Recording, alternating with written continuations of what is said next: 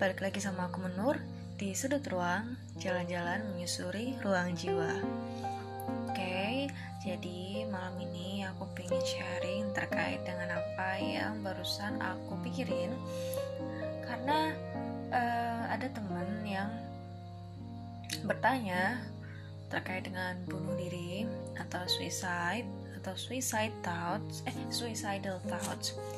Apakah itu hal yang biasa?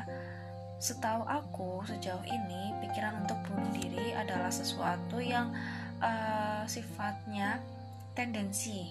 Jadi tidak mesti orang tersebut akan melakukan betulan bunuh diri, diri itu enggak, tapi cenderung tendensi. Yang artinya tendensi ini adalah orang tersebut mungkin akan mengambil jalan tersebut ketika dia tidak mendapatkan kondisi yang stabil atau dalam emosi atau suasana hati yang menurun sangat tajam. Sampai dia itu mungkin kehilangan semangat hidup, mungkin kehilangan rasa keberhargaan diri atau merasa sangat sendirian, kesepian.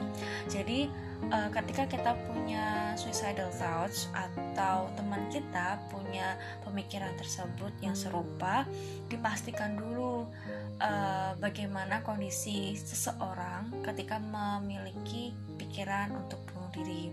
Apakah dalam situasi yang masih cukup stabil, uh, kemudian membebani atau sangat urgent atau darurat untuk segera ditolong.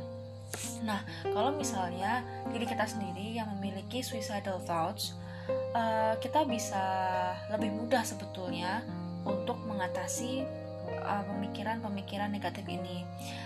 Kalau setauku nih ya, kita bisa langsung mencari pertolongan atau sekiranya kita mampu, kita coba mengatasi masalah itu dengan penyaluran seperti menulis, menggambar atau hal lain yang itu sifatnya untuk mengeluarkan atau meredakan emosi negatif yang muncul bersamaan dengan suicidal thoughts itu.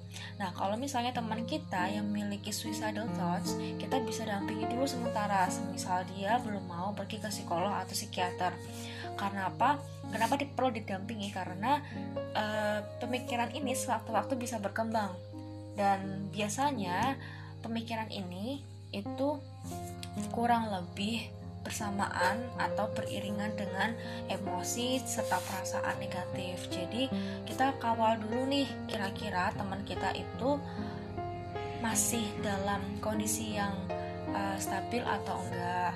Terus kita yakinkan kepada mereka, misal um, dia butuh bantuan, kita insya Allah diusahakan atau mengusahakan diri untuk selalu ada buat mereka.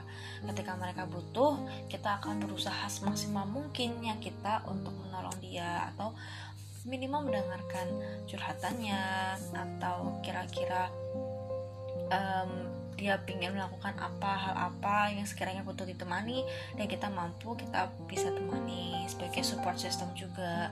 Jadi uh, sekali lagi balik ke suicidal thoughts itu kita uh, perlu waspada untuk terjadinya perkembangan tendensi tapi kita juga nggak perlu panik karena ada prosedurnya. Salah satunya itu bisa langsung ke psikiater atau psikolog atau tenaga profesional Nah, kenapa? Karena di situ kita bisa menemukan uh, solusi yang tepat untuk situasi dan kondisi kita pribadi. Karena misal aja nih, kalau kita curhat ke orang lain, bisa aja kita bukannya mendapatkan support system yang positif atau kita mendapatkan solusi yang sifatnya membangun diri kita atau menolong kita. Jadi lebih uh, untuk meningkatkan probabilitas atau kemungkinan kita mendapatkan pertolongan yang, pertolongan yang tepat sasaran gitu. Misalnya belum bisa ke psikolog atau psikiater atau profesional lainnya kita bisa menawarkan diri untuk tetap ada untuk mereka meskipun kita belum bisa membantu semua kebutuhan memenuhi kebutuhannya mereka semuanya itu. Jadi uh, tetap saling support satu sama lain. Misalnya ada yang bingung bisa tanyakan ke orang-orang yang menurut kalian paham dan percaya. Tapi sangat direkomendasikan untuk menemui profesional langsung untuk mendapatkan informasi yang kredibel atau dapat dipercaya juga. So uh, semangat buat semuanya. Terima kasih untuk kamu yang sudah berjuang selama ini sejauh ini dan terima kasih buat kalian yang sudah bersedia untuk menjadi tempat ternyaman dan teraman untuk orang-orang terdekat kalian.